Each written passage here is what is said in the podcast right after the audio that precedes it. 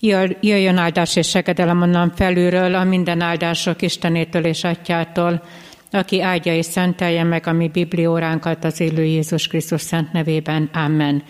Biblióránk kezdetén énekeljük a talán már ismert fiataloknak, fiataloknak szóló éneket, de azt hiszem a gyülekezetnek a tagjai is ismerik a mennyben fenn a trónusnál. thank you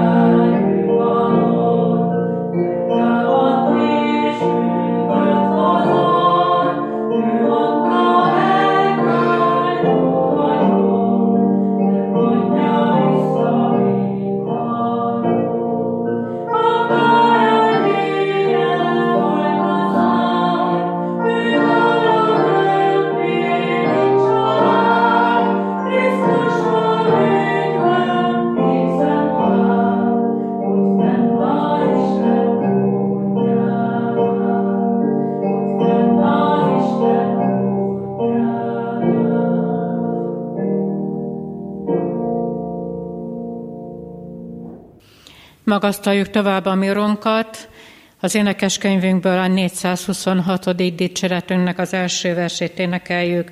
Már keresztem vára vettem, és érted mindent elhagyok.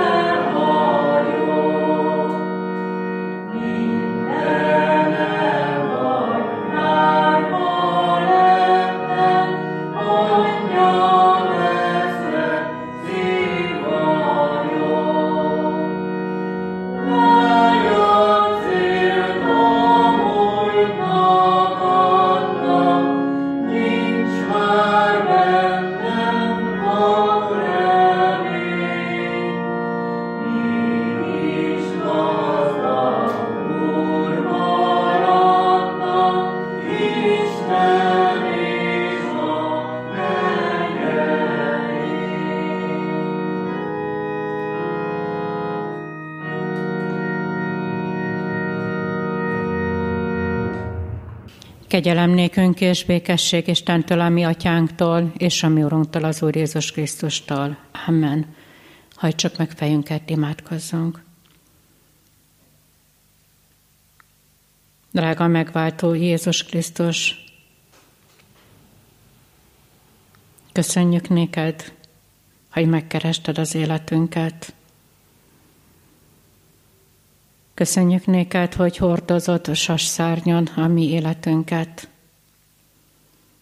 Köszönjük neked, hogy oltalmazó szereteteddel körülvettél ezen a mai napon is bennünket.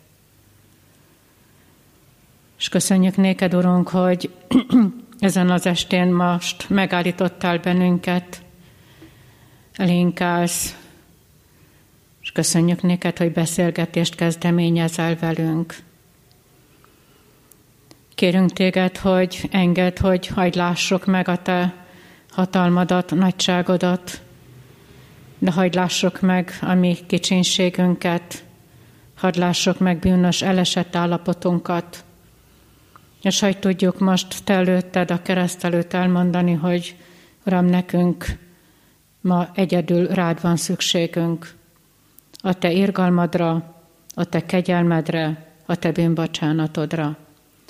Kérünk téged, hogy igéddel most is szólítsál meg bennünket kegyelmedből. Amen. Hallgassuk meg, kedves testvérek, Istennek hozzánk szóló igéjét, úgy, amint írva található a Mikás könyve 7. fejezetének 18., 19. és 20. versében, és a Máté írása szerinti evangélium 27. fejezetének 32. versének két szava lesz majd előttünk. Mikás könyve 7. fejezetének utolsó három versében így szólít meg bennünket Urunknak élő igéje. Kicsoda olyan Isten, mint te, aki megbocsátja a bűnt, és elengedi öröksége maradékának büntetését. Nem tartja meg haragját örökké, mert gyönyörködik az irgalmasságban.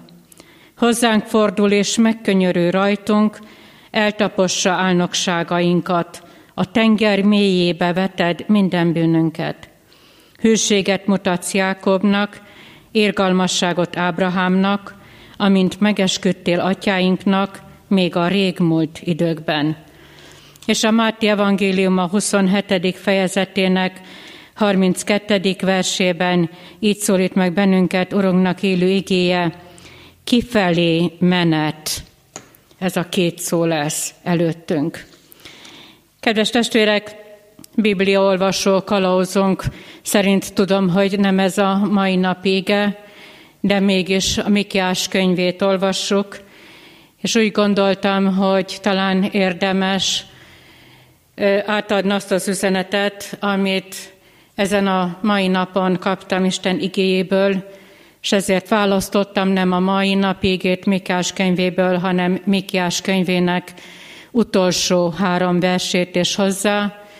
Jézus szenvedés történetéből ezt a két szót kifelé menet.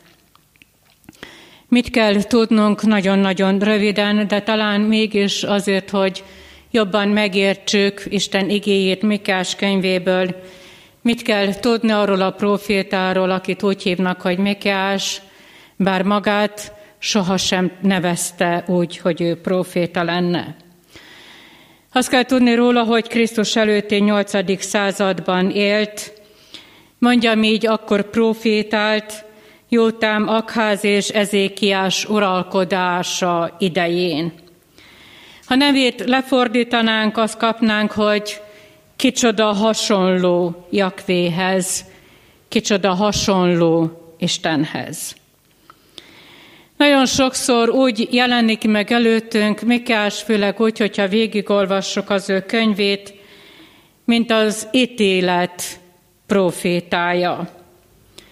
Azt kell róla tudni, hogy Ézsaiással szinte majdnem egy időben élt, szinte majdnem egyszerre profétáltak.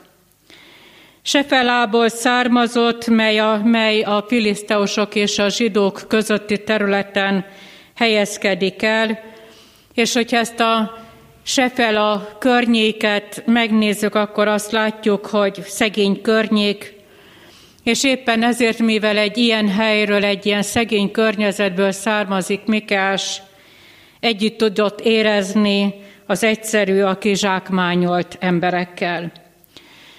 Mikás könyvét szoktuk idézni, és talán karácsony első-második napján biztos, hogy a gyülekezetekben, gyülekezetünkben is elhangzott, Mikás könyv 5. fejezetének második verse, de te Efratának Betleheme, bár kicsiny vagy Júda nemzetségei között, belőled származik az, aki uralkodni fog Izraelben, akinek származása a kezdetekig nyúlik vissza az ősidők napjaig.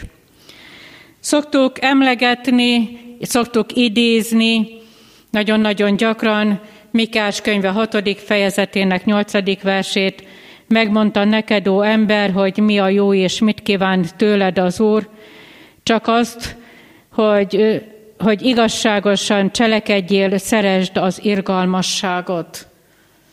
És szoktuk idézni a ma esti igényket is, kicsoda olyan Isten, mint te, aki megbocsátja a bűnt.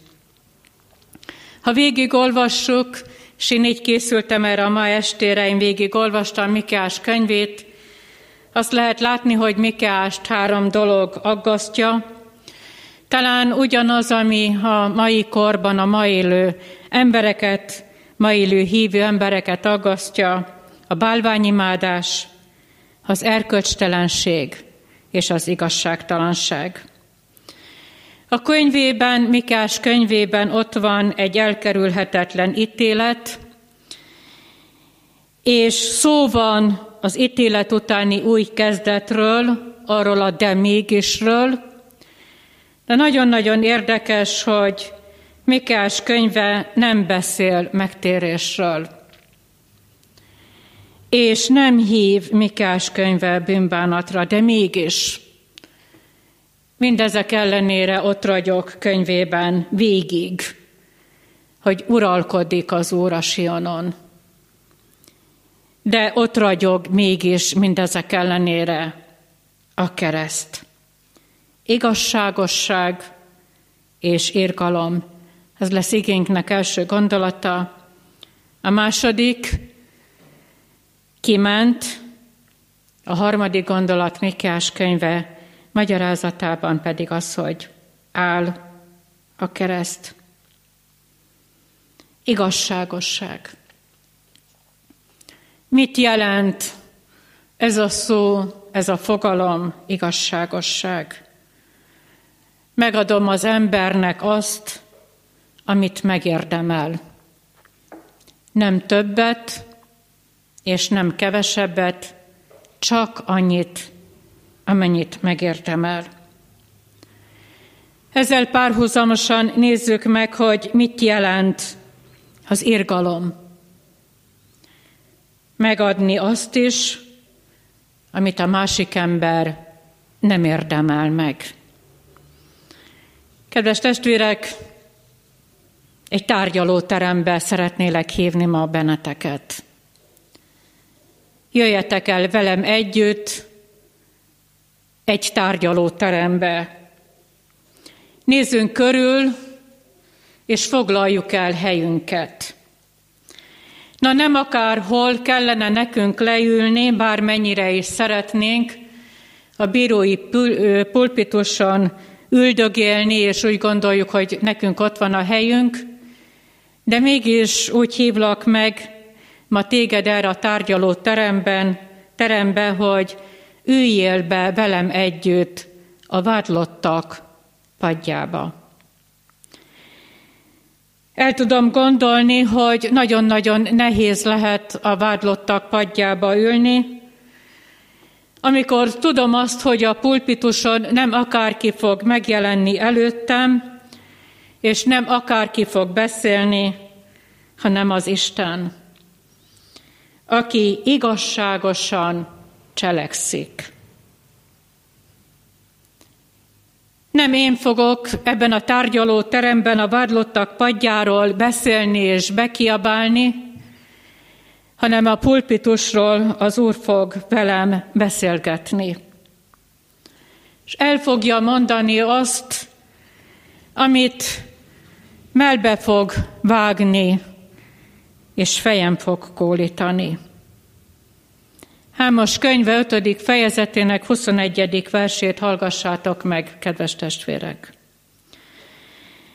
Még ha égő áldozatokkal áldoztok is nekem, sőt étel áldozatjaidat takat sem kedvelem, kövér hála áldozataitokra rá se tekintek.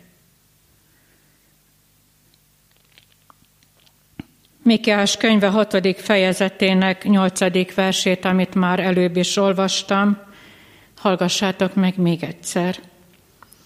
Megjelentette neked, ó ember, mi legyen jó, és mit kíván az Óra te Istenet te tőled.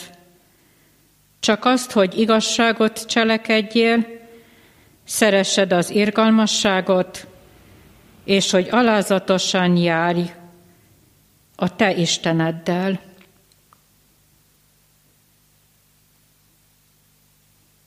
Szíven talál az ige.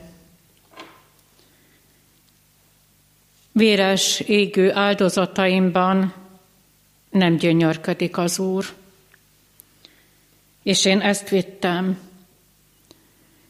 Ugyanazt, amit Izrael népe vitte az ezernyi báránynak a vérét, Vittük, hoztuk, éltük a kis vallásosnak mondott életünket, és ott a vádlottak padján ülve elcsendesedünk. Hallgatni a bűneinknek a sorolását az igaz bírótól. Mit? Bálványimádás, erkölcstelenség, igazságtalanság. Igen, fájdalmas ülni a vádlottak padján, de tudom, hogy Jézus szemébe nézhetek. Tudom azt, hogy amikor rátekintek és ránézek, tudom, hogy ő igazságosan fog cselekedni. És ezen a bírósági tárgyaláson, ott a vádlottak padján ülve valamit mondhatok. Uram, bűnös vagyok. De a vádlottak padján lehet kegyelmet kérni, hogy Uram, mégis mindezek ellenére könyörülj rajtam és könyörülj életemen.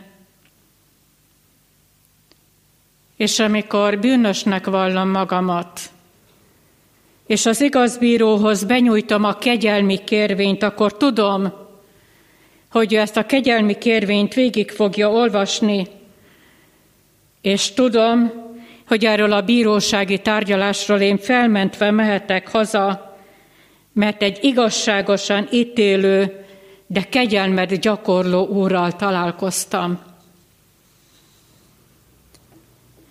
Jaj, de nehéz az embernek irgalmasnak és igazságosnak lenni. Nehéz, de mi nem is tudunk ilyenek lenni. És nem is tudunk ilyenekké válni. Miért? Ki tud ilyenné lenni? Nem így teszem fel a kérdést. Ki tudott ilyen lenni? Egyetlen egy valaki ebben a világ mindenségben és a föld történetében egyetlen egy valaki, az Istennek a fia, aki ott ül most a pulpituson, aki előtt megállsz, vagy aki előtt leborulsz, és elmondott, hogy Uram, én bűnös vagyok, de könyörülj rajtam. Hol látjuk ezt az igazságosan ítélő, érgalmas Úrt? Ott a Golgotai kereszten. Ki az igazságos és ki az irgalmas? Amikor egy ártatlan ember kész elszenvedni az igazságszolgáltatást a bűnös helyett. Hol történt ilyen? A Golgotai kereszten, ahol egyszerre lehetett megbüntetni és megbocsátani a bűnt. Igen, ott a Golgotai kereszten látjuk Isten tökéletes igazságosságát, és tökéletes kegyelmét. A megtért bűnös a bírói tárgyalásról csak ezért mehet el szabadon, csak ezért távozhat el nyugodtan, mert az ártatlan kifizette helyettem a büntetést. Áll a kereszt. Igen, valahol tudjuk és érezzük, a bűn miatt kell a vérontás. És mi vittük, és hoztuk, és cipeltük a bárány ezernyi vérét, mert éreztük, hogy vérontás nélkül nincsen, nincsen bűnbocsánat. Álljunk meg. Nézz Jézus szemébe, hisz rád néz, előtted van, előtted áll. Pedig igénk második gondolatában azt olvassuk, hogy Jézus, amikor megy a koponyák helyére, oda a Golgotai keresztre, akkor azt olvassuk, hogy Jézus kiment. Kifelé menet. Kiment az életünkből. Úgy érzed, drága testvérem, hogy Jézus elhagyott téged, hogy kiment mellőled. Nem te hagytad el, nem te mentél el mellőle, nem te maradtál el mellőle, nem te előzted meg, mert úgy gondoltad, hogy lassan megy, mert sietős volt a dolgod, mert rohantál. Kiment az életedből? Nem, mert ma azt hirdeti, hogy itt vagyok, hogy melletted vagyok, hogy fogom a kezedet. Mikásnál, ott, ahol nincsen leírva egyetlen egy szóba se ez a szó, hogy megtérés, mégis lehet Mikásnál megtérésről beszélni. Igen, mert mi a megtérés? Megbánni a bűnt, és elfogadni a kegyelmet. Ennyire egyszerű. Megbánni a bűnt, és elfogadnak kegyelmet. Lehetséges ez? Nézd a latornak, a megtérő bűnösnek lehetett, nem a halálos ágyán, hanem életének utolsó pillanatában, ott a halálos kereszten. Mit tett? Jézusra nézett. Nincs órákig tartó bűnvallás, nincs órákig tartó imádság, csak egy kérés, egy sóhaj. Uram, fogadj el, tied vagyok. Nézz Jézusra. Nézz Jézusra, mert igénk utolsó harmadik gondolatában áll a kereszt.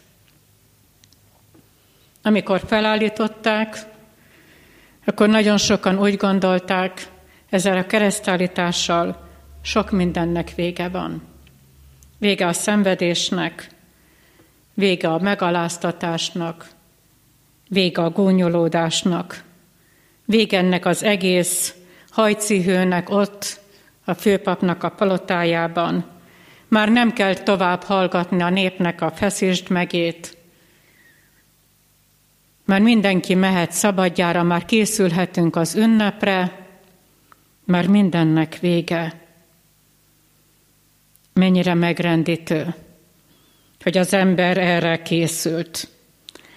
Ítéletében már réges-régen kimondta Jézus földi szolgálatának, de mondjuk így, Jézus megszületése pillanatában már kimondta Jézusra halálos ítéletet. Nem nagy pénteken történt meg a születése pillanatában. Kimondja az ítéletet az Isten felett. Ki? a bűnös, a nyomorult, a megváltásra szoruló ember. Ez egyetlen egy szó, halál. és azonnal végre is hajtja az ember, megy és rohan, mert ünnepelni akar, mert le akarja ezt az egész Jézus ügyet már tudni, fejezzük már be, legyen már végre egyszer és mindenkorra. Nincs fellebbezés, nincs gondolkodás, nincs felmentés, csak a mindenáron való gyilkolás. És beülünk a vádlottak padjára. Igen, mert ebben a tömegben, ebben a feszítsd meget kiáltó tömegben a bűneinkkel mi is ott voltunk. És lehet, hogy a kereszt tövére nél úgy álltunk meg, hogy talán igen úgy, hogy legyintettünk, hogy essünk már túl rajta. Fejezzük már be, legyen már egyszer és mindenkor a vége. És Jézus egy bírósági tárgyalásra hív. Állj meg előtte. Nézz rá.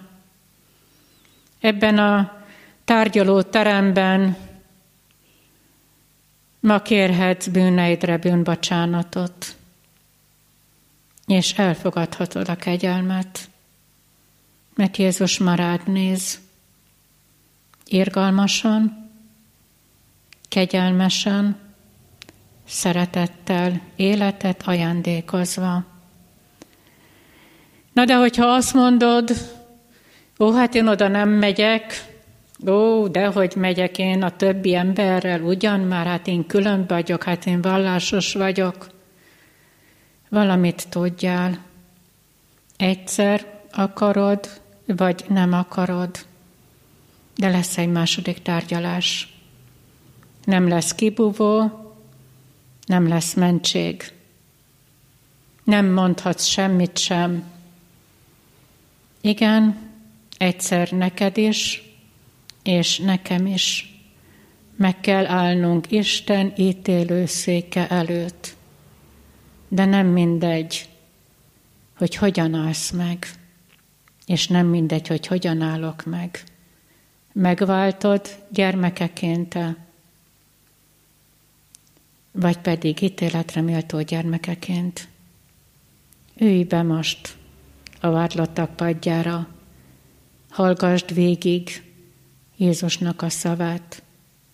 Tud mondani, Uram, bűnös vagyok, de elfogadom azt a kegyelmet, amit egyedül te tudsz nekem megadni. Így lesz igazán valós megtérésed, így lesz igazán valós új életed, és így fogsz tudni majd járni az Úr útján, és így fogod tudni várni a hazahívó szót, az Úr szavát, segítsen erre a döntésre téged az Úr. Amen. Köszönjük néked, Urunk, hogy olyan őszintén elmondtad, rámutattál a bűneinkre, a nyomorosságainkra. Köszönjük néked, Urunk, hogy neked még mindig van szavad, hogy te még mindig kész vagy könyörülni életünkön, hogy te mindent megtettél helyettünk és érettünk ott a Golgotai kereszten. Te mindent felkínálsz a számunkra. Urunk, segíts kinyújtani felénk, feléd kezünket, hogy áldásodat el tudjuk fogadni, és valóban egy boldog élettel tudjunk téged dicsőíteni és magasztalni életünk minden napján. Irgalmadból kérünk. Amen. Együtt mondjuk el az Úrtól tanult imádságot. Mi atyánk, aki a mennyekben vagy, szenteltessék meg a te neved, jöjjön el a te országod, legyen meg a te akaratod, amint a mennyben, úgy a földön is.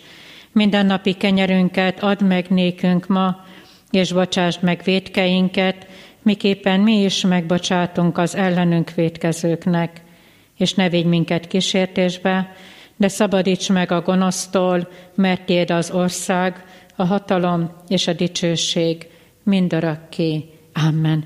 Mindezeknek utána az Atyának kegyelme, a Fiú szeretete és a Szentlélek Istennek velünk való közössége legyen és maradjon minnyájunkkal. Amen. Isten tiszteletünk végén imádkozó szívvel énekeljük a 230. dicséretünket az énekeskönyvünkből. Áll a Krisztus szent keresztje, elmúlás és rom felett.